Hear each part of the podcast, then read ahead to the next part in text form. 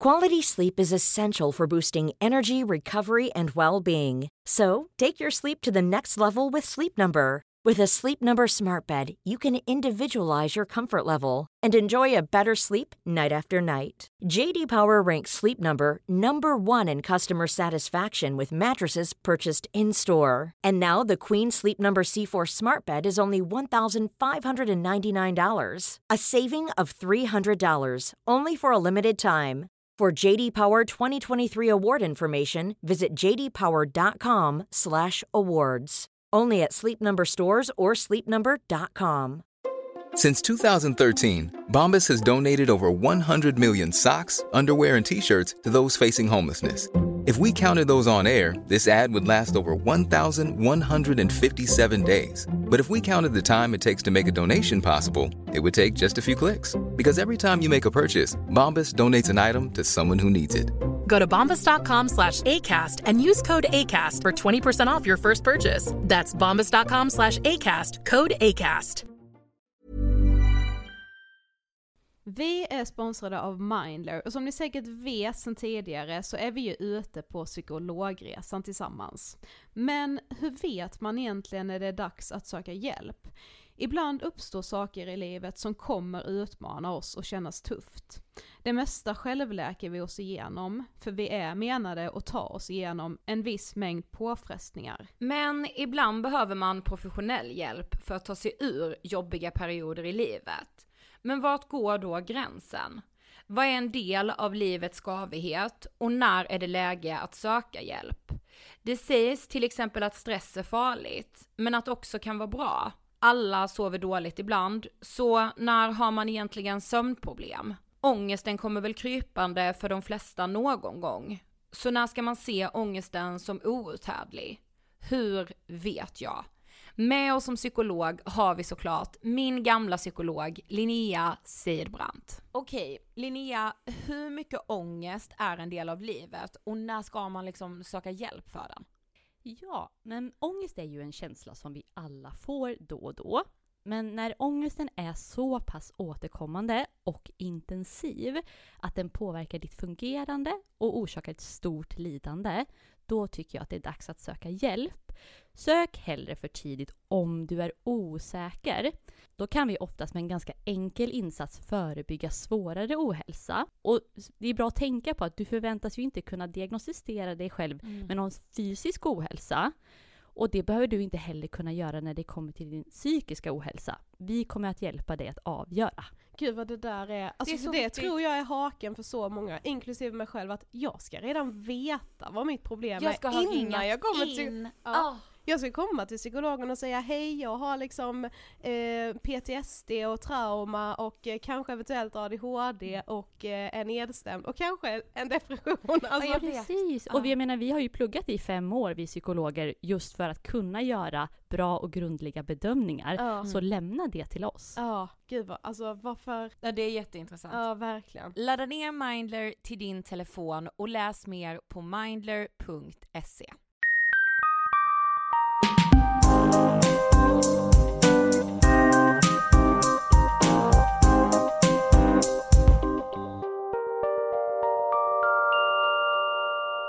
Hallå hallå och varmt välkomna till avsnitt 284 av Ångestpodden! Direkt från Blekinge. Ja, gud vad mys, känns som att vi sänder radio. Ja du, jag, jag, vi sitter ju nu och eh, lyssnar på våra gamla avsnitt, Mm. de som vi har gjort själva, som är bara dig och mig.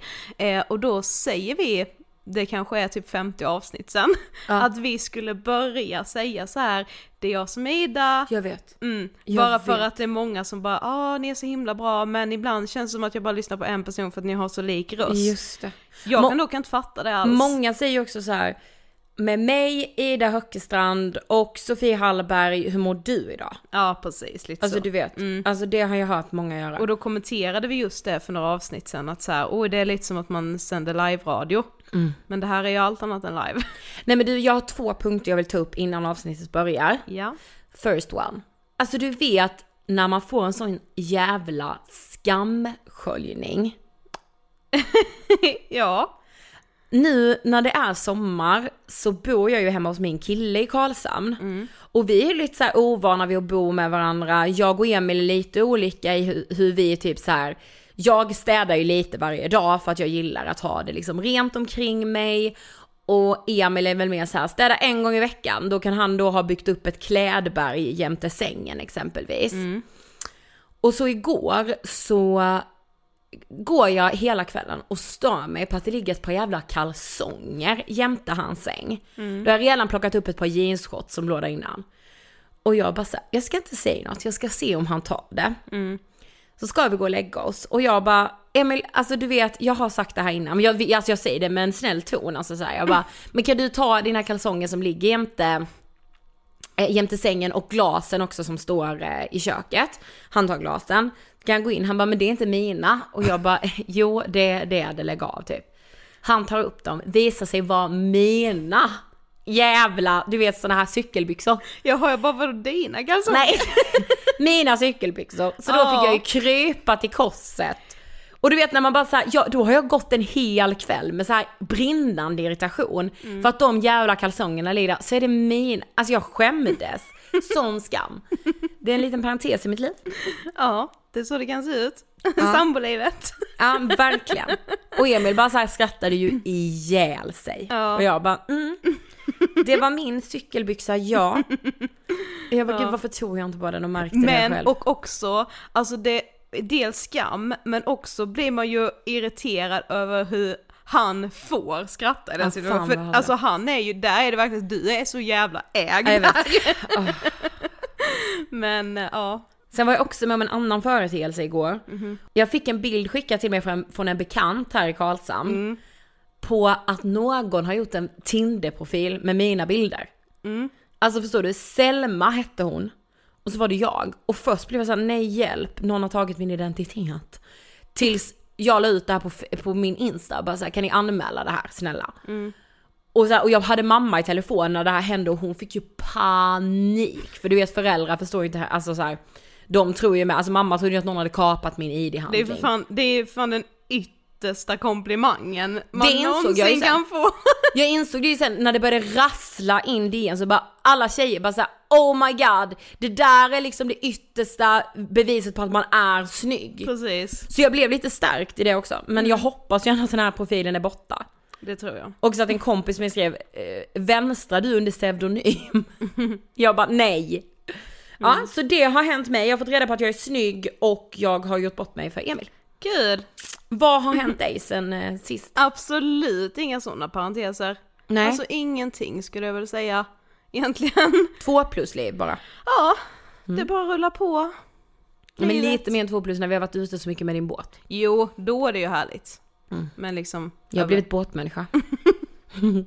har snart styr du. Tänk, Ja. får, jag, får jag testa dig i sommar? Absolut, det är ju inte ens svårt. Men jag har faktiskt så här, jag funder, som jag berättade förra veckan om vad som hände mig på midsommar, det här när det var en man som bara åh gud vad är era pojkvänner som har kört båten? Just det. Eh, jag har ju också pratat med många kvinnor, liksom man träffar ju många när man är ute i skärgården och så. Och då är det kvinnor med som säger bara, ja men gud vad modigt av er.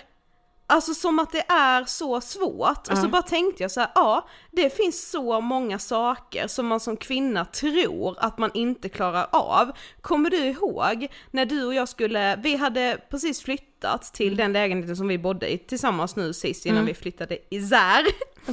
Då skulle vi sätta upp en jävla lampa och innan vi ens har försökt så ringer vi Emil för han måste vara med på telefon. För han är elektriker. när vi, så vi inte gör något fel. Just det. Men det man bara tar för givet att man inte ska kunna saker för att det är typ mansgöra, typ grilla, köra Men båt, sjukt koppla in saker. Varför var jag så sjukt förvånad när du och jag lyckades bygga ihop din säng? Nej men, jag vet. För att jag tror inte att jag kan. Exakt, jag Innan jag kan ens har någon- försökt. Alltså det var ju, alltså så här, vi gjorde fel en gång, det är väl ingenting? Nej, det hade en kar lika gärna också Ja kunnat men göra. verkligen. 100 procent. Ja, Så det är lite bara, det är lite mindblown. ja jag fattar. Ja, så jag tänker, jag har funderat lite på om den här sommaren ska jag liksom ta ifrån män alla deras egenheter. Typ, Bra. typ Bra. grilla, fortsätta köra båt, snusa Ja. och dricka öl. Absolut, Ja. jag älskar det. Eh, så ser min sommar ut. Ja, jättetrevligt Mm. tycker jag. Men jag tycker vi kör igång veckans avsnitt. Yes. Och jag vill börja det med en text. Ja, okej. Maj 2015. Det har varit slut i en månad. Han är mannen i mitt liv och vår relation har varit allt jag någonsin drömt om.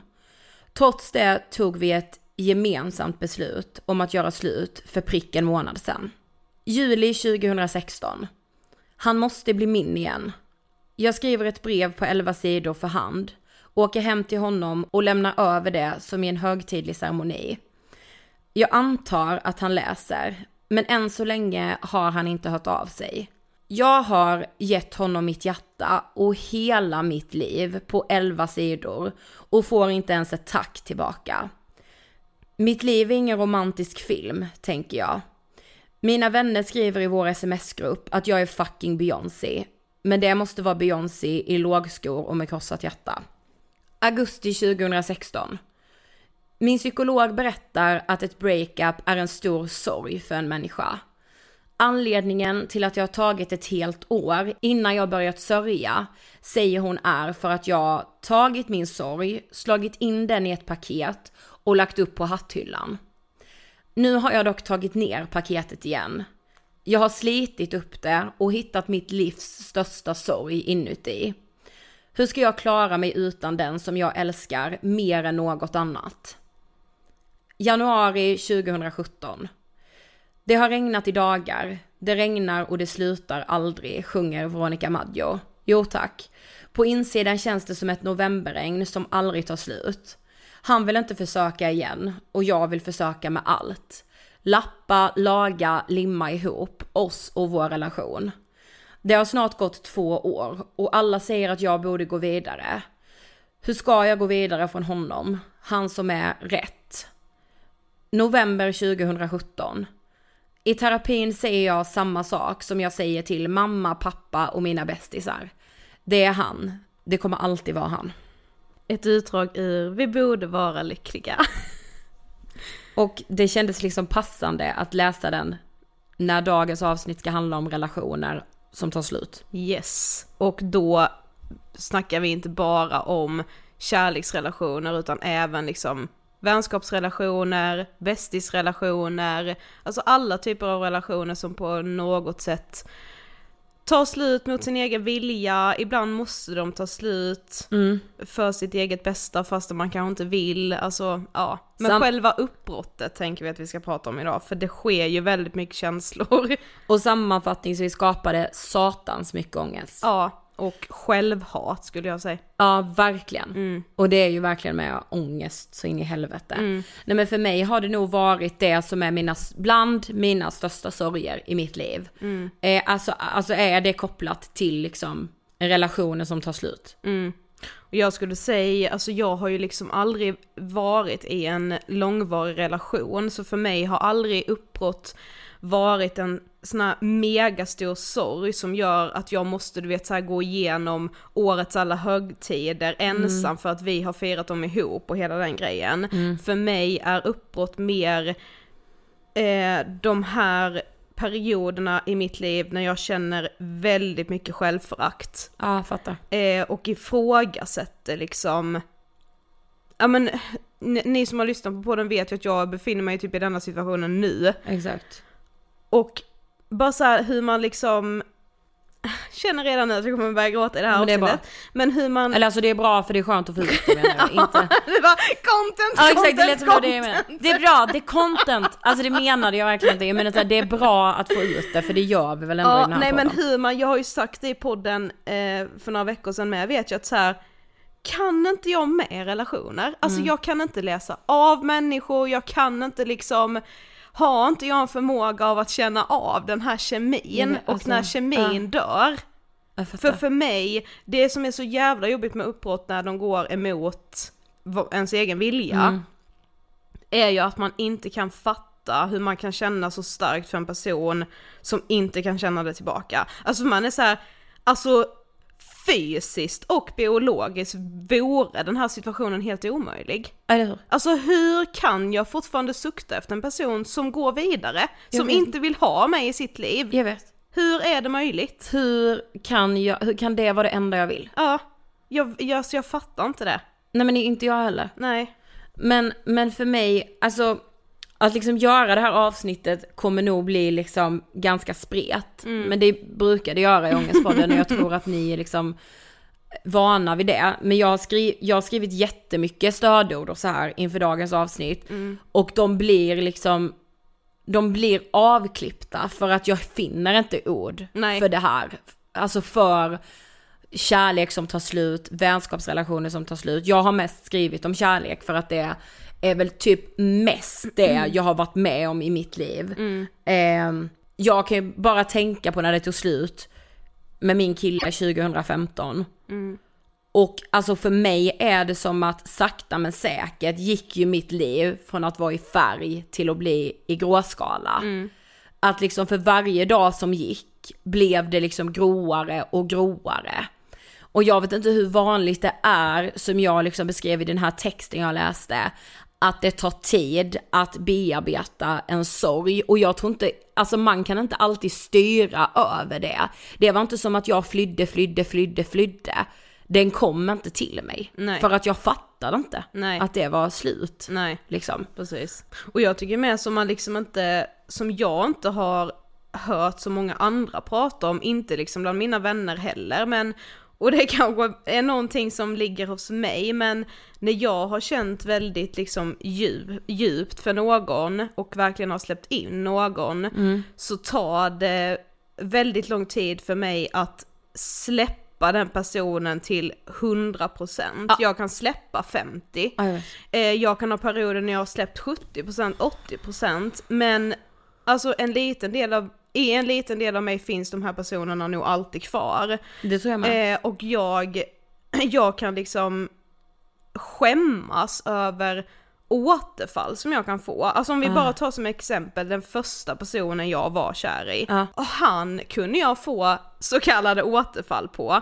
Alltså vi snackar år. Vi snackar Ja. typ fem år som jag fick så här. om jag hade sett honom ute då så kunde jag verkligen säga bara gud, jag måste typ skriva till honom igen, för jag kände att när vi pratade idag så var jag helt fuckad för att jag blir så nervös i hans närhet att jag kan inte, jag finner mig inte i att vara Sofie då, alltså jag blir helt, Jag jag tappar orden. Men det där är jättespännande, för jag, jag personligen, gud alltså jag skulle vilja höra en forskare prata om det här. Jag personligen upplever också att jag har ett känslominne i form av att när jag ser personer jag har varit riktigt kär i, personer som jag har varit bästa, bästa vän med och delat allt. När jag ser dem så är det som att min kropp vet vad vi har haft. Ja. Den vet vad jag har känt, eller den vet vad vi har haft för band. Och där, alltså den kan inte glömma det. Alltså Nej. det känslomässiga minnet. Alltså jag vet inte om det är att vissa bara kan ignorera det, eller att vissa inte skapar det känslomässiga bandet för att de inte värderar relationer så högt. Medan jag värderar relationer som det högsta, högsta, högsta. Och där är vi ju alltså exakt lika. Ja precis, och så här, att släppa in någon eller bara välja att nu litar jag på den här personen alltså- liksom och det kommer bli vi på något vis. Eh, att sen då få det avklippt på något sätt, alltså jag, då har jag ju liksom redan det är som att jag har ju redan påbörjat det här kapitlet och det kan inte jag sudda ut. Det, det blir liksom ett kapitel som aldrig blir riktigt avslutat för mig utan det är där i min bok. Ja. Och det är inte färdigställt liksom. Nej, nej. Och hela tiden öppet för att fortsätta skrivas på på något sätt. Ja. Eh, ja, Ja, ja, jag fattar. Alltså, det ju liksom men... Ja, fast det kan inte jag säga ändå, alltså, det är så här, jag vill, Emil, som jag är tillsammans med, vill jag leva resten av mitt liv med. Men jag har ju ändå gamla kärlekar som jag inte kan bete mig kring. inte för att jag står där och tänker, jag är kär i dig nu och jag skulle egentligen vilja vara tillsammans Nej men med man dig. tappar det liksom. Man tappar det för att mitt känslominne säger så här. Du, det här har varit askänsligt ju. Kommer du ihåg vad du kände sommaren 2011? Mm. Jajamän. Alltså det är som att hela min kropp bara så här, du har varit dödligt kär i den här människan. Men det är typ också som att jag, när jag ser då den här personen som jag, min första stora kärlek liksom, när jag ser honom nu, anledningen till att jag blir så här, typ trippa på tå, inte trippa på tå men bara så här, alltså jag tappade helt, jag blir Ja. ett skal, jag, jag kan knappt säga hej liksom. Nej men fy fan. Ja. Ja. Det är nog för att min kropp hamnar också i den sårbara situationen Ja. med honom. Jag hamnar ju inte i att han har ju faktiskt känt någonting för mig också och vad, vad gulligt och fint det Ja. var vi hade där liksom Ja. för flera, flera jävla år sedan. Ja. Utan det jag hamnar i är när han säger jag vill inte mer. Mm, jag vet. Så jag står där Jag med. Mm. svansen mellan benen på något sätt. Det är ju den, ja. Det är den där man kommer Det är- tillbaka, Det, ja precis, ja. det är den, den känslan jag kommer tillbaka till varje gång jag ser honom typ. Mm, jag fattar. Jag har ju liksom, alltså ett uppbrott som liksom kommer prägla hela mitt liv. Jag är helt övertygad om det. Mm. För att jag mådde så himla dåligt. Men det här uppbrottet också, alltså jag, det, jag vet att många kan relatera till det här. Det som hände var att vi då tog det här så kallade gemensamma beslutet. Ja. Vilket gjorde att jag gick ju i flera år och klandrade även mig för att jag tog det gemensamma beslutet. Det hade varit lika hemskt men andra känslor om jag bara hade blivit lämnad. Det är lika hemskt, alltså det finns inget, alltså när man blir lämnad önskar man att det vore på något annat sätt och när man, men om man tar det här gemensamma beslutet så ångrar man sig, då är det helt omöjligt att inte lasta sig själv för det gemensamma beslutet. Då När kunde man- jag vara med och driva igenom det. Precis, eftersom man, man skuldbelägger ju sig själv för att man har tagit det gemensamma beslutet, ångrat sig, kommit tillbaka och då vill inte den personen. Exakt. Det är ju det är då man liksom Fy fan. Mm. Ja, men på, på något sätt är det så jävla sjukt med att, att göra detta avsnittet nu för vi, vi är ju ändå bra på att planera. Ja. eh, och vi när vi bestämde att vi skulle göra det här avsnittet så tänkte jag där och då, för då var jag liksom eh, kär och trodde att eh, den här människan var kär i mig tillbaka och att vi, det skulle bli någonting mellan oss liksom. Eh, och då tänkte jag bara gud vad svårt det kommer vara för då kommer jag vara liksom mitt uppe i den lyckliga känslan. Mm. Så det är, och det är fortfarande overkligt för mig att jag inte är i den Ja. situationen. Alltså Ja, jag jag, kan inte riktigt fatta, jag kommer säkert kunna lyssna på det här avsnittet om ett halvår och bara hur kunde jag inte fatta? Det, så Nej. nu har det gått två månader, ja. men jag har inte fattat. Alltså Nej. jag har inte fattat har att vi inte ska umgås hela sommaren. Nej. Det är, ja, det suger röv. Men kan du inte berätta om liksom det uppbrottet? Ja, alltså det var ju bara en person som jag typ hade dejtat i några månader, eh, blivit superkär i liksom och eh, Ja, ja, han var kär i mig också. Eh, det var liksom ömsesidigt allting, det kändes jättebra mellan oss. Men av olika anledningar så ville han inte fortsätta så han bara avbröt allting. Eh, out of the blue skulle jag ändå vilja säga för allting kom som en så stor chock för mig för att jag var inte alls förberedd på det för att jag hade jag tycker att han hade gett andra signaler än att lämna det här. Ja, jag fattar. Ehm, Jag och, fattar, så jag som att jag inte vet det här. ja. och det var, det var liksom dels en sak att leva i den chocken Mm. och sen en annan sak att bara fatta att jag ska inte träffa denna människan mer. Ja. Och speciellt då när man redan har liksom jag, jag blickar nästan aldrig framåt, jag har ju skitsvårt för att göra det. Jag är liksom en bakåtsträvare och älskar att dagdrömma tillbaka i tiden och så, ja det vet ju ni som har lyssnat på podden länge.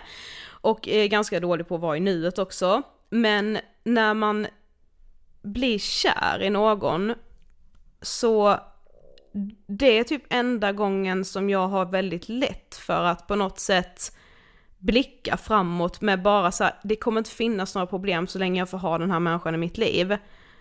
Eh, så jag hade ju liksom, jag såg ju redan framför mig allt vi skulle göra på något vis. Eh, och det är ju också lite obehagligt, för allt kan hända längs med vägen liksom, men det är väl det som är, det är väl också det typiska i att bli kär, att man bara säger Exakt. gud, så länge ingen, alltså så länge jag bara får ha den här människan i mitt liv så, så kommer jag klara mig bra liksom, Men då så här, vi kommer ska göra jag bra. detta och detta och detta. Alltså, Precis. mm. Men från ena dagen till den andra så skulle vi helt plötsligt inte ses mer och det som, det som jag tycker är jobbigt med när man liksom blir lämnad eller ett avslut, Mm. det är när man redan är en person Mm. som liksom är väldigt självkritisk när det kommer till att så här öppna upp sig eller, alltså jag är en sån här person, om jag liksom börjar få känslor för någon, det kan vara, det behöver inte ens va- vara en person som jag blir kär i sen, utan bara när man, när man får lite känslor, eh, så är jag väldigt självkritisk och tänker så fort det är något drag som den här personen gör så tänker jag nej men nu vill inte han mer. Eller så här, nej men nu kommer detta skita sig. Eller nej det här var nog inte rätt liksom. Ehm, och jag vet att jag, jag gör det på ett överdrivet sätt. Jag är Mm. exakt likadan i vänskapsrelationer. Alltså om någon liksom, inte så här, om du inte svarar på ett sms Ida så tror jag att du är sur. Nej. Vi, i vår Kanske relation mig, men- är jag 100% trygg liksom. Och liksom med många andra vänner också. Men vissa vänner som man har, som man säger gud nu har vi inte hört på ett tag och nu svarade henne inte på det här Nej. smset. Nu har jag gjort någonting. Jag. Eller nu, nu är det någonting, nu har den kom- personen kommit på att jag inte är så härlig och vill Eller jag inte ha inte så kul Ja precis, jag, Ja. de vill inte ha mig i sitt liv. Nej. Så börjar man hålla på och älta detta då.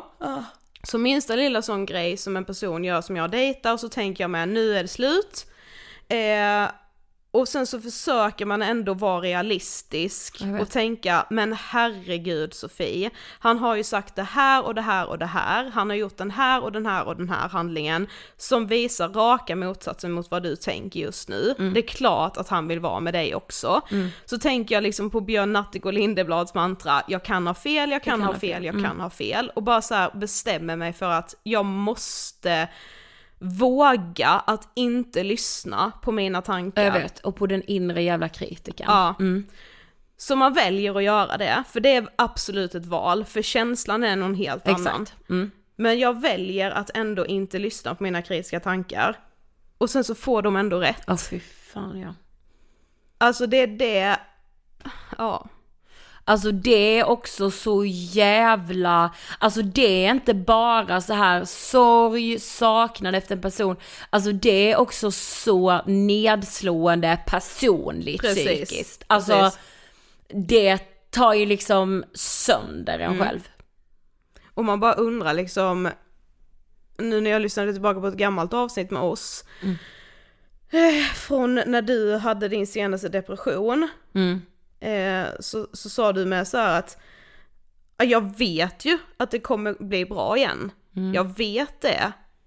Men vägen dit är så jävla lång. Hur fan ska jag orka gå på Nej men den? man bara, jag signade fan inte upp mig för att gå på denna vägen just nu. Jag Nej. pallar inte det. Jag vet och så kan man inte välja. det finns liksom ingenstans att ingen- stänga av. Nej. Men, eller finns det det? För Ja. ibland ser jag ju de som svänger av. Mm. In i en ny relation, in i ett missbruk, in i någonting som dövar. Mm, något destruktivt kanske. Mm. Men vägen blir längre då. Mm. Alltså på något sätt, det försöker jag alltid, alltid, alltid tänka. För ibland när jag tittar tillbaka på mina perioder när jag har mått så jävla dåligt, Mm. så är jag imponerad över att jag inte har dövat mig mer. Mm. Alltså förstår du? Att jag inte har, och det menar jag inte som såhär, åh för att jag är så jävla duktig. Jag tar mig igenom skiten med en gång. Ja exakt, men det, jag tror det är för att jag har haft en psykolog till hand som har varit såhär, nej du kommer, det kommer suga nu. Jag, så här, det finns ingen som kan säga till mig det här blir bra. Men också kanske för att jag har träffat så många i den här podden som har tagit de genvägarna och sagt att jag skulle aldrig göra det igen. Eh, och det har på något sätt lärt mig, men utan den kunskapen så tar man genvägar. Alltså jag vet ju liksom, jag känner ju personer, jag vet ju personer som har funnits i mitt liv som alltid har varit i en relation. Och alltså det här, alltså det låter säkert jättekonstigt när jag säger det och det låter kanske hårt eller att jag inte kan förstå. Men i min värld är det bara så här, har du känt riktig kärlek? Om du kan gå in i en ny, alltså jag förstår inte det. Alltså, Nej men, men, ja, nej jag vet inte heller och det är ju liksom på något sätt taskigt att påstå att någon annan inte har, för, Jag vet. För, känn, för det har jag ju, du vet det kan jag ju med tänka så här. känns kärlek olika för alla? Ja, eller bara så här, det känns så. Det är du som är så jävla överkänslig i det Höckestrand. Precis! Det känns så för alla. det är inte svårare än så. Bit för ihop mig bara. är det jättesvårt. Ja, för mig med. Det är så svårt. liksom, alltså nej, ja, det är så jävla sjukt. Alltså när jag pratade med den här personen då, Mm. så sa ju han också så här att men det kommer bli bra. Och jag bara, det kommer ta väldigt, väldigt lång, Lång tid, tid. Mm. innan det blir bra. Och jag bara, ja och så är det. det kommer, men sen samtidigt bara ja, och det får ju ta tid. Alltså min, min tröst i detta på något sätt och att jag inte bara kan släppa taget och gå vidare, jag måste liksom vara ledsen nu ett tag. Min tröst i det har varit att så här, vill jag vara en sån person som bara hoppar vidare? Nej. Nej, jag vill, jag vill verkligen vara den som kan känna så mycket. Och, och det har också typ varit ett uppvaknande för mig för att innan har jag, fram tills nu skulle jag säga, verkligen fram tills nu, alltid sett mig själv som en person som har jättesvårt för att släppa in personer. Ja. Eh, Jag har alltid sagt om mig själv till andra och till mig själv då därmed också att så här, ja men jag har så himla svårt för att prata om mina känslor, jag har så svårt för att liksom känna saker, jag är ganska dålig på det, liksom håller mycket för mig själv och har insett nu att nej, det är jag verkligen Nej, inte. du är så bra Jag är fan asbra på att sätta ord på mina känslor, på att ta upp känslor Ja. när jag känner det, eh, när jag känner att så här, nu tycker jag faktiskt att jag blir lite dåligt behandlad här, då det. säger jag Ja, det. det är så bra. Men så här, det, är så, det är så sjukt med för att man tror på något sätt att så här, ja men man liksom, man formas så mycket liksom under typ gymnasiet och i de unga 20 där liksom, men man kan ju också, man förändras så jävla mycket längs med vägen. Ja, det gör man. Så jag bara så här, jag ska fan försöka att aldrig mer säga till någon jag träffar att så här, bara så du vet nu så har jag typ en mur runt om mig som gör att jag, det är ganska svårt att komma in på djupet på Mm. Ja. mig. För det är det fan inte. Nej. Så Nej men jag vet, alltså för det är, det är ju problemet, alltså som, det, nu tar jag upp min psykologen, men du vet alltså när man definierar sig själv Ja. som en orolig person, det har Ja. nog spett på min gadd under Ja. åren. Att jag har sagt det. Nice. What you're hearing are the sounds of people everywhere putting on Bombas socks, underwear, and t-shirts made from absurdly soft materials that feel like plush clouds. Yeah, that plush. And the best part? For every item you purchase, Bombas donates another to someone facing homelessness. Bombas. Big comfort for everyone. Go to bombas.com slash ACAST and use code ACAST for 20% off your first purchase. That's bombas.com slash ACAST. Code ACAST. Ryan Reynolds here from Mint Mobile. With the price of just about everything going up during inflation, we thought we'd bring our prices down. So to help us, we brought in a reverse auctioneer, which is apparently a thing. Mint Mobile unlimited premium wireless. Ready to get 30, 30, bit to get 30, bit to get 20, 20, 20, bit to get 20, 20, bit to get 15, 15, 15, 15 just 15 bucks a month. So, Give it a try at mintmobile.com slash switch. $45 upfront for three months plus taxes and fees. Promo rate for new customers for limited time. Unlimited more than 40 gigabytes per month. Slows. Full terms at mintmobile.com. Jag har spett på mig själv som att vara en person som har jättesvårt för mina känslor och för kärleksrelationer. Då tror du ju på det. Då tror jag på det ja. Ja. Det, och det, det gör jag väl på något sätt fortfarande. För jag har ju matat det mantrat i mitt huvud under så många år. Det är liksom Ja. fram tills nu jag har typ ändrat det tänket. Mm. Så det kommer ju ta tid innan jag vågar tro på att jag inte alls det Exakt. har så svårt för känslor. Men man måste ju börja någonstans Mm. liksom. Men att säga det till sin omgivning med så man vet att man har beskrivit sig själv. Ja. Alltså de som man vet att man alltid har sagt det till i form av vänner och så här. Att säga jag är verkligen sån, jag vill inte att du beskriver mig som det heller. Nej, inte liksom. längre. Nej. Jag är fan inte det. Nej. Har jag ju fattat nu. Precis. Och det måste man ju på något sätt se en styrka i. Om man nu ska leta upp något positivt med den här satans pissituationen jag sitter Ja, i. nej men jag skrev också så här att när det tar slut med någon, det är första gången, eller det är bara i de stunderna skulle jag säga, som man förstår orden aldrig mer. Mm. Alltså jag kan ju kasta ur mig, "Ja, jag vill aldrig mer göra det, jag vill aldrig mer se det, jag vill aldrig mer göra det. Men det är ju inte förrän man är i det uppbrottet och inser att vi ska aldrig mer hångla med varandra. Nej men det är... Alltså förstår du? Det är så avgrundsdjup sorg. Ja. Alltså just det jävla begreppet, aldrig mer.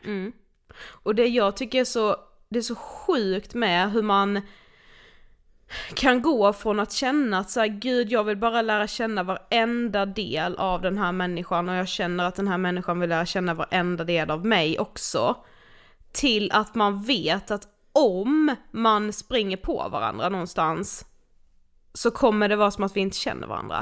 Alltså vi kom, man kommer hälsa på varandra, men Ja. som jag sa nu så här med min så första stora kärlek, man hälsar på varandra och är artig liksom. Men det är ju också som att man träffar en gammal kompis på ICA som man Ja. inte bryr sig ett jävla piss om. Nej. Men som man måste hälsa på. Precis. Bara, hur kan vi ha varit så Nej vet. djupa med varandra för att nu bara så här hälsa för att man typ måste? Ja verkligen. Ja, Alltså, det är så jävla Men du vet så här, också den här att vetskapen och känslan av att så här, den personen har man helt plötsligt inte rätt till. Alltså Nej. Mm. förstår du? Alltså så här, rätt till låter mig fel. Men den känslan är så äcklig. Att så här, jag kan inte längre kräva något av dig. Nej! Alltså, Fast det är ju värre också att känna att så här. Det känns som att jag kräver saker av dig och du gör saker mot din egen vilja. ja, Att du så här, jag tvingar mig på dig nu Ja, i jag form av att... tvingar mig på dig, jag tvingar dig att höra av dig till mig eller att vi ska hålla någon sorts kontakt för att jag för fan, ska må det- bra. ja. Man bara nej, jag vill väl för fan inget hellre än att du ska bara vilja prata med mig hela tiden. Mm. Så som jag vill prata med dig. Jag vill inte prata med dig för att du känner dig tvingad. Nej men för ofta, alltså jag har aldrig lämnat någon i en relation. Alltså så här, inte jag och min kille då, det var ju på samma, alltså vi bestämde ju det då. Mm. Eh, men, men liksom den som lämnar säger ju ofta så här, det här har jag hört av alla mina tjejkompisar som har blivit lämnade. Jag gör precis som du vill. Säger den som lämnar. Att så här, jag ringer dig om du vill, jag skriver till dig om du vill, du kan alltid höra av dig till mig. Och att så här, jag tror att man, om man blir lämnad så tror jag att man måste säga så här. Alltså det är ju svårt att göra det kanske första veckan, andra veckan.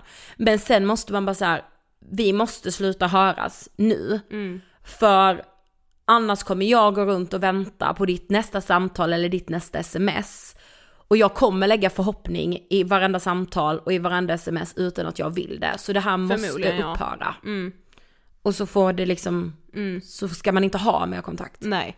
Alltså man ska ju egentligen göra hela den här grejen att liksom avfölja överallt eller Ja. dölja så att man kan se Ja, ja, någonting. ja, ja, ja. Eh, ja. Så fort man bara kan. Ja. Och, och så här, var hård mot dig själv då också. Ja, det måste man. Men det är det absolut bästa. Mm. Ja, jag har ju då gjort lite minnesanteckningar här under tiden som jag har varit i hela den här skiten. För jag visste ju att vi skulle göra det här avsnittet. Oj, gud vad starkt. Ja, ja, det är ju inte jättemycket men, men nu har vi redan liksom tagit upp vissa punkter men så här, jag vet att jag kände liksom efter typ två veckor att, och det vet jag att jag faktiskt har känt i vänskapsrelationer också som av någon anledning Alltså inte har tagit slut, det är ju oftare med vänskaper att de rinner ut i sanden eller att man glider ifrån varandra. Men man kan ju känna att man glider ifrån en vän mot sin egen Ja, vilja. verkligen. Men att den personen vill gå vidare liksom. Och då den här känslan av att man känner sig, jag skrev så här, det här var 16 dagar efter att han hade gjort, gjort slut säger jag nu, vi var ju verkligen inte tillsammans. Men eh, det, känns, det som känns jobbigt idag är, är att jag känner mig så dum och som att jag har överdrivit hela situationen och bilden av oss. Varför kan jag inte bara släppa det så som han verkar kunna göra? Och jag, jag känner liksom att man så jävla lätt, man gör säkert, det här gör jag ju i andra situationer också, men just när det kommer till så här olycklig kärlek eller när man liksom har fått ett abrupt slut på någonting, det är att man, det är liksom det här självhatet som kickar in direkt. Och det gör också att man förminskar sina egna känslor. Och Åh, det Gud. är, alltså jag skrev så här då, att jag förminskar mina egna känslor och mig själv för att jag tror att jag själv har fel och den andra har, Har gjort rätt, rätt. ja. Det är som att jag ställer mig själv frågan, men om mina känslor är betydelselösa för dig, då borde de heller inte kännas så meningsfulla för mig. För, äh, åh! Alltså jag börjar lipa, alltså. För att det, alltså jag vet, åh gud, att man, man känner sig så jävla dum i det jag, alltså verkligen så. Man känner ju, så- alltså jag känner mig dels lämnad som person, Ja. alltså den här personen vill inte ha mig i sitt liv längre. Det kan jag, det gör ont men jag kan absolut acceptera Ja, det det. måste man. Ja, det gör jag liksom. Eh, Det är helt okej. Mm. Eh, Men det som gör ondare är ju att bli lämnad med sina känslor. Ja. För att jag känner ju helt plötsligt hur ingenting är besvarat. Nej. Inte de känslorna som jag trodde var besvarade, de här känslorna som nu kommer efteråt är att vara ledsen, att sakna, att längta tillbaka. Jag är så ensam med de känslorna. Ja, exakt. Och alla de känslorna som, som man har trott att man har haft tillsammans har varit så betydelsefulla för mig, eller meningsfulla för mig. Ja. Men de känns så betydelselösa för honom. Ja. Och det, så är det kanske inte. Det är liksom, man sitter här och bara tillskriver någon annan människa dens känslor. Det är inte rätt av mig heller, men så här, det är ju så det känns Så för känns mig. det. Och det, alltså, Och ja, det men gör exakt så känns jävla det. ont. Och också att man, alltså att man så här, har jag gjort det här till någonting som betyder något i mitt liv? Precis. Som är liksom en, En, en stor grej. en liksom. stor grej, ett stort kapitel, något, alltså men det vet jag, alltså det vet jag när jag tittar tillbaka att i vissa killars liv, de kommer alltid betyda något för mig. Alltså jag, jag bara så här, vet de vad jag heter? Man är liksom en jävla piss i Mississippi. Ja, förstår du?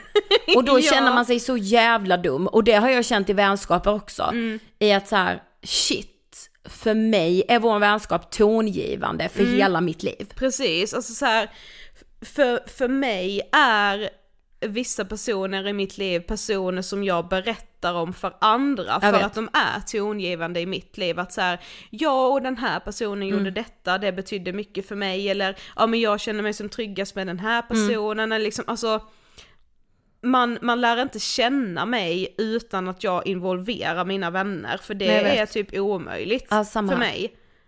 Men, och då känns det så jobbigt att aldrig riktigt veta för vem man är den personen. Nej jag vet. Och man, är- när man mår så här dåligt och så är det som att man bara, då, då, det här självhatet säger bara till en att du kommer aldrig vara en sån person för någon. Nej exakt. Ja jag vet att jag är det för dig. Ja för mig är du det, du är hela min värld liksom.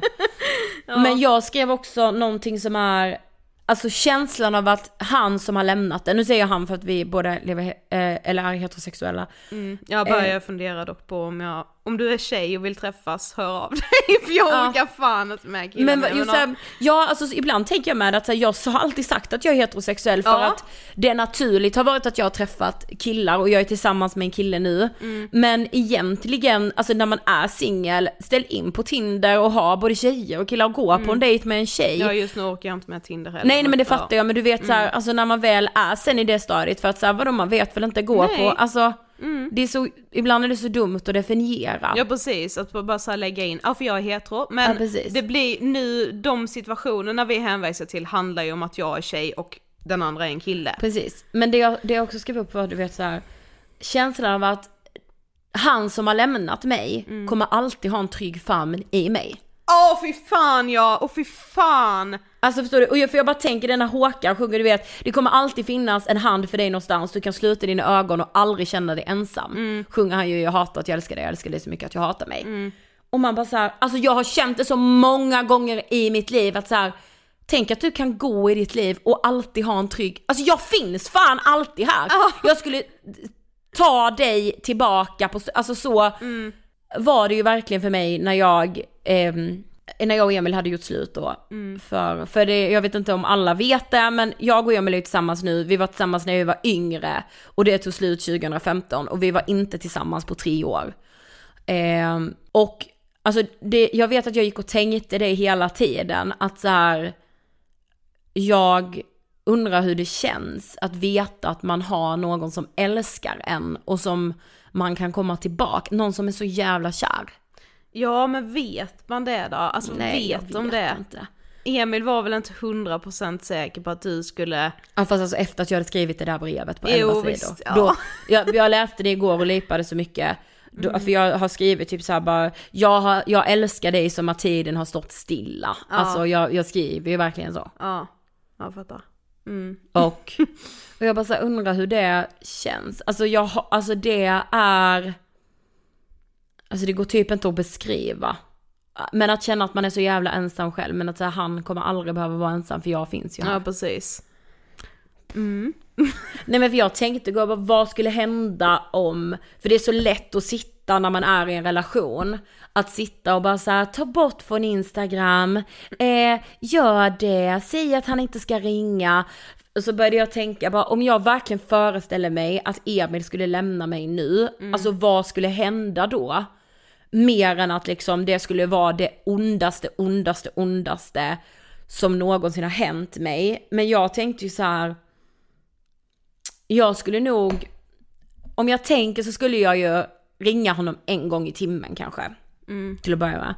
Och jag skulle vara, jag skulle skrika och vara arg. Och sen skulle jag böna och be om att ta mig tillbaka.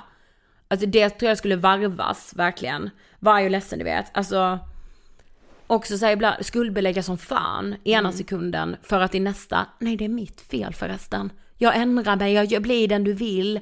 Vill du att jag ska klippa av mitt hår och göra liksom, eh, färga min hud röd? Alltså du vet, jag gör det. Jag hade varit så om vartannat tror jag. Man pendlar ju väldigt mycket mellan hur mycket är det värt att förlora sin egen självrespekt kontra hur mycket är det värt att försvara sin självrespekt? Alltså, I relationer har jag, ehm, i relationer som betyder någonting för mig, eh, tror jag inte det finns en botten för hur lågt jag kan sjunka. Hur lite jag behåller min självrespekt. Alltså det finns ingen botten. där har jag ganska hög, eh, där jag vet, det kanske också är någon, ligger någon sorts stolthet och alltså på något sätt ser jag mig ändå själv som en person som håller ihop. alltså, jag kan vara jätteledsen och jag är jätteledsen eh, fortfarande nu liksom, men jag vet ändå på något sätt att det är ingen mening att höra av sig, det är ingen mening att försöka lösa saker, eller det är ingen mening att återigen skriva ut alla mina känslor till honom för jag får ingenting tillbaka. Alltså jag, jag vet att jag inte kommer få någonting tillbaka så då är det bättre att bara försöka bita ihop och skita i liksom. Alltså jag har ju känt mig ändå de senaste veckorna faktiskt stolt över mig själv som inte har hört av mig för det är Otroligt. inte lätt. Nej. Alltså varje dag är liksom en dag av att fundera på, har han träffat någon annan? Ja, ja, eller gud, ja, tänker är han någonsin på mig? Är han någonsin ledsen eller känner han sig bara lättad över Mm. att allting liksom, nu behöver han inte tänka på detta mer. Alltså vet Exakt. man, det är ju tusen miljoner frågor liksom. Mm. Men jag har också haft dagar där jag faktiskt inte har tänkt så mycket på honom. Där det liksom har känts lite, lite bättre eller lite lättare. Det blir liksom, alltså när man väl sitter så här och pratar om det så känner man ju fortfarande hur ledsen man är. Men jag har ändå så mycket saker att sysselsätta mig med som gör att jag inte behöver tänka på det hela tiden. Och det är väl ändå, ska man skicka med något tips i det här jävligt deppiga avsnittet så är det ju de här typiska liksom, låt saker ta tid, låt dig själv vara ledsen och sysselsätt dig. Vi pratade ju, det var ju också sjukt men när vi äh, gästades av Nina Glimsell, vi släppte ju det avsnittet för några veckor sedan, då pratade vi ju just om att lämna liksom Ja. relationer och så. Och det var ju dagen efter jag hade Jag fått det här samtalet, vet. så jag mådde ju piss när vi poddade. Och vi, Nina visste ju, vi sa ju till Nina med, Ja, jag bara om jag bryter ihop så vet du varför. eh, men, eh, men de tipsen hon ändå gav då är ändå, det låter så jävla klyschigt och det är så svårt att ta till sig om man liksom är mitt upp i liksom ett heartbreak. Men när man får minsta lilla distans så försök suga, alltså att försöka suga åt sig av de tipsen. Att så här, var inte ensam, sysselsätt dig, gör saker du mår bra av. ehm, Och så, alltså tiden, tiden, tiden, Ja. tiden. Alltså den, man kan inte liksom förminska tidens kraft. Nej, verkligen inte. Och så här, jag vet, och du som lyssnar vet att det kommer bli bra igen. Ja. Men vägen, jag vet att den känns aslång, snårig, världens brantaste uppförsbacke. Mm. Och man kanske känner att nu börjar det slutta lite och så blir det uppförsbacke igen. Exakt. Men det är liksom också okej. Och också så här, vi är så många som går igenom de här sakerna. Gud Alltså ja. det är en så stor del av livet. Ja. Eh, och nej, alltså så nu tänker jag verkligen det. Nej, vi ska inte, vadå förminska våra känslor? Alltså nej, jag, jag, ska slu, jag måste sluta göra det. Min, jag ska ta varenda liten känsla på allvar. Mm. Nu känner jag det här. Och det är helt okej, det är rätt. Det är inte fel av Nej. mig att känna så här. Nej, precis. Man får liksom inte, alltså, jag tror man ska ställa så lite frågor som möjligt till sig själv. Utan bara var bara i den känslan du Ja, känner. vet. För alltså i känslor finns inga rätt och fel. Men så här, att vara i det, ja det suger röv liksom, det är jättetufft och det är jättejobbigt. Men det finns liksom inget fel i att du känner så. Så ställ typ inga, låt inte självhatet ställa kritiska frågor till dig själv och dina känslor. För det, de får ju en att må skit. Vad tänker du om tre månaders regeln? Så menas, Jag läste om den första gången på Sandra Beijers blogg. Ja. Way, way, way back. Jag har ju aldrig lyckats med det här, men Nej. jag vet att den är ganska känd. Den innebär ju då att man får sörja i prick tre månader. Man sätter ett datum, alltså det tar slut, det kan gå två veckor för då är man ju i katastrof liksom. Sen sätter man ett datum tre månader fram. Fram tills dess får man sörja på. Man får vara destruktiv, man får gråta hur mycket man vill, man får, alltså man får verkligen vältra sig i det här breakupet. Och vad det liksom gör med en. Sen ska man gå vidare och acceptera att okej, livet har andra planer för mig. Det där var inte menat, det skulle inte vara vi. Jag passerade ju de där tre månaderna med råge. Om man säger så. Ja, alltså jag kan fatta typ så här det peppiga i det, att ha såna grejer. Men jag kan ju samtidigt så här, fast vadå, jag, jag vältrar mig inte i denna sorgen. Jag gör ju redan saker som får mig att må bra. Jag håller inte på att älta det med mina vänner hela, hela, hela, hela tiden. Det är klart att det slinker in ibland att man säger oj nu började vi prata om den här personen eller liksom oj nu var det jobbigt, nu, nu uppkom den här situationen som fick mig att tänka på det här. Alltså men jag lever ju inte speciellt destruktivt just nu, jag har nog aldrig levt så lugnt som jag gör Nej. just nu. Alltså jag fattar hela den peppiga grejen men jag tycker också det är lite, jaha, så om man sätter ett datum och sen är man pissledsen två veckor efter det datumet, ska det då inte vara okej? Men jag vet. Alltså jag fattar att så här, eh, som vi hade liksom den första veckan när jag mådde som Mm. absolut allra sämst, då gjorde vi så här, nu jobbar vi en halvtimme, sen får du Ja. Mm. gråta i en halvtimme och så pratar vi. Sen jobbar vi en halvtimme och sen gör vi om det hela tiden liksom. Det tycker jag är jättebra om man har möjlighet att göra det. Ja. Men så här, ja lite så sätta datum, både bra och dåligt. För då kommer vi faktiskt in på hur en sorg kan bete sig. Och det här skrev vi om i vår bok, vi borde vara lyckliga, men jag tänkte att det, kommer, det passar väldigt bra in i det här avsnittet. Den första fasen man går igenom när man blir dumpad eller lämnad, det är förnekelse. Man vägrar acceptera faktumet att förhållandet liksom är över eller så här, kärleken är obesvarad kanske. Och den här vägran kan vara både att man medvetet gör det men också omedvetet. När jag ser tillbaka insåg jag ju att min förnekelse varade länge. Jag var omedveten om den. Ehm, och det är lätt att tänka att så här, han behöver bara lite tid. Han behöver bara fundera lite till. Eh, man lever mycket med falska förhoppningar och man försöker hela tiden hitta de här tecknena på att nej men det kommer en återförening, det, det löser sig det här. Den andra fasen, ilska. Och den här fasen kan se ut på två olika sätt. skulle också säga att det är den skönaste fasen. Den är för det så, underbar. jä- alltså när man går från att vara, även om ilskan är ganska så obefogad, så är det väldigt skönt att gå från att vara extremt ledsen till att vara arg, för man får så mycket power i det, man bara Det, du jävlar! det beror ju dock på, för den här, i den här fasen ilska så kan antingen ilskan riktas mot personen man är kär i eller så riktas den mot dig själv. Ja, nu Och då- menar jag när den riktas mot personen. Ja. Men, det, men, men som sagt som vi sa, det är nog den skönaste fasen att vara i, så länge då ilska riktas mot hen som man är kär i. Det är väldigt skönt att liksom skylla sitt dåliga mående på att så här, hur kan hen behandla mig så här, jävla svin. Hämndaktioner är inte helt ovanligt här, ska sägas. Eh, men om då ilskan riktas mot en själv som person så är det väldigt viktigt att man stannar upp eller att man verkligen omger sig med vänner eller familj eller sådär. Som, kan, som kan påminna en om att så här, det är inte ditt fel. Nej. För det behöver man höra här.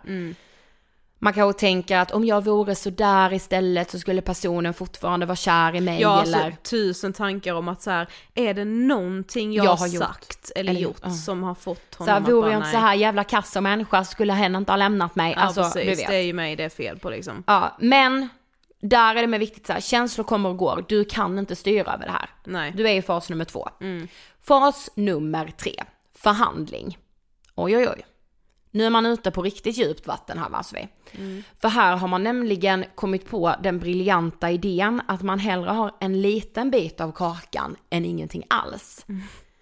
Eh, man känner att man plötsligt är villig kanske att kompromissa om sitt eget värde. Alltså, det här blir ju väldigt snabbt ohälsosamt, det hör ni ju. Det här är ju liksom, säg att man bor i samma stad som en person som Mm. liksom inte vill ha en relation med den, men han kanske ger, han eller hon eh, kanske ger som förslag att ja ah, men vi kan ses och bara umgås eller så här, bara vi kan fortsätta ligga men jag vill inte ha något seriöst. Exakt. Alltså typ sådana Här saker. Och så varit. Mm. helt plötsligt bara, jo men ja det kan vi göra. Alltså, Ja, man bönar och ber. Ja, man Ja. bönar och ber om att personen man är kär i ska ta en tillbaka. Om det så bara gäller så här, en dag i veckan så är jag på. Ja precis. Eller liksom, många hamnar här i det här klassiska av och på förhållandet som Mm. många nog känner till. Innerst inne så vet man att man själv och den så kallade partnern har helt olika agendor med att ses. Ja. Men för att behålla någon typ av relation så gör man vad som helst. Okej, fas nummer fyra. Det är depression. Jag kom aldrig längre än hit. Men jag inser också att så här, fast jag passerade fan de andra faserna.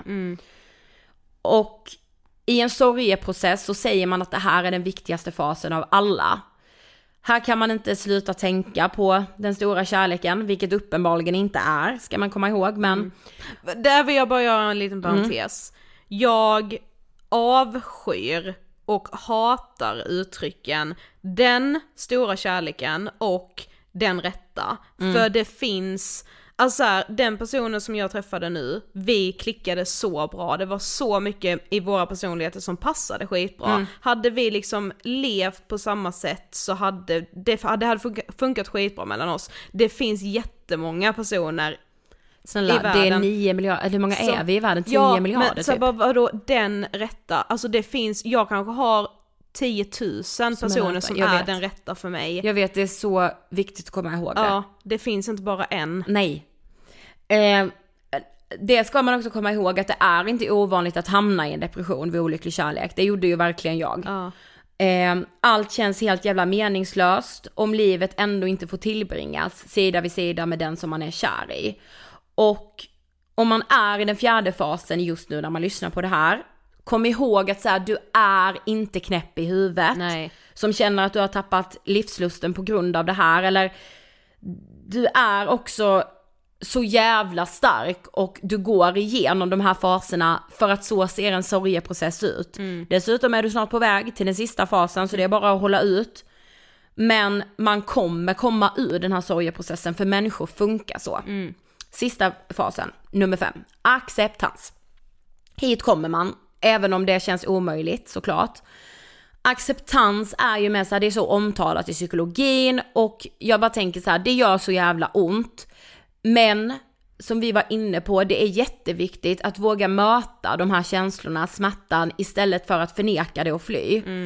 Eh, acceptansen är slutskedet på hjärtesorgen och det sista steget innan man faktiskt går vidare på riktigt. Det är viktigt att låta sig vara ledsen och acceptera att det gör ont. Det är lätt att börja tro att ingen någonsin har varit eller kommer vara så olyckligt kär som du. Men som en liten påminnelse mitt i sorgen. Scrolla igenom dina Spotify-listor och lyssna på vad låtarna handlar om. Ganska mycket olycklig kärlek, eller hur? Vi ska alla den vägen vandra. Mm, det tror jag det är tyvärr. Det här kom ju då från Vi borde vara lyckliga. Finns köpa på Bokus och Adlibris och Akademibokhandeln och så. Men de där fem faserna, Ja. de, ibland kan de vara sköna sköna att ha med sig. Yes. Även om så här, man kanske inte alltid behöver vara uppmärksam på bara, "Mm, okej jag är i fas 4. Alltså, Nej och så här, ja plötsligt är man, känner man att man är i fas 4, sen är man tillbaka i fas, Fas 3. tre. Vissa hamnar inte i fas 3 utan går direkt i 4. Alltså det är ju jätteolika men det kan ändå vara skönt att veta att de finns. Exakt, och när man sen är igenom det, för det bli, kommer man, Mm. det är så sjukt att kolla tillbaka och inse och kunna se sig själv i varje fas. Men hamnade du någonsin i acceptansen med Emil? Nej, Nej. Jag, alltså det gjorde jag inte. Nej, så man måste alltså bli ihop med sina ex? ja. Nej men det hade jag ju såklart gjort om, Ja. Mm. vi inte, om det inte hade blivit vi igen. Sen vet man inte, det är ingen som kan garantera hur lång tid det tar. Nej, gud nej. Det, det, men som sagt, tiden är eh, det viktigaste vi har. Det Också det jobbigaste vi har. Det jobbigaste, äckligaste, finaste, viktigaste. Ja, ja. Jag hoppas att eh, någon kunde relatera. Eller jag, Jag är helt tänk- svettig nu Sofie. Ja, jag har typ handsvett. Jag med. jag får aldrig handsvett. Men, jag tyckte det här blev jättefint. Alltså jag är verkligen, jag är jättetagen. Det är så här det känns. Mm. Lite splittrat och stökigt i huvudet liksom. Mm. Och vi vet att många av er är där just nu Mm. och har varit där eller så. Eller kanske lyssnar på det här om två år när ni är där. Precis.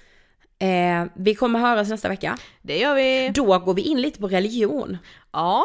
Wow. Mm. Spännande. Följ oss på Instagram, där heter vi Angespodden. Kan inte ni snälla följa våra privata också? Det hade varit så roligt om vi hade fått lite fler följare. Som är liksom från er lyssnare. Jag heter Eda Hockerstrand med CK. Och jag heter Sofie Hallberg med inget dubbelt någonstans eller något konstigt. Snälla följ oss där. Kan inte bara så här gå in så att vi, tänk och bara vakna och bara vi har tusen nya följare. ja, ha det så bra så hörs vi som vanligt nästa vecka. Då Puss, är det puss. juli. Hej då! Juli och religion, hej!